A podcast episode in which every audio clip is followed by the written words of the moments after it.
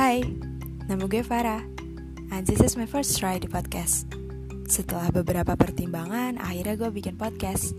Hitung-hitung project sama liburan kuliah Isinya palingan cuman opini sampah gue, perspektif, sudut pandang, dan apa pun yang mau gue bahas.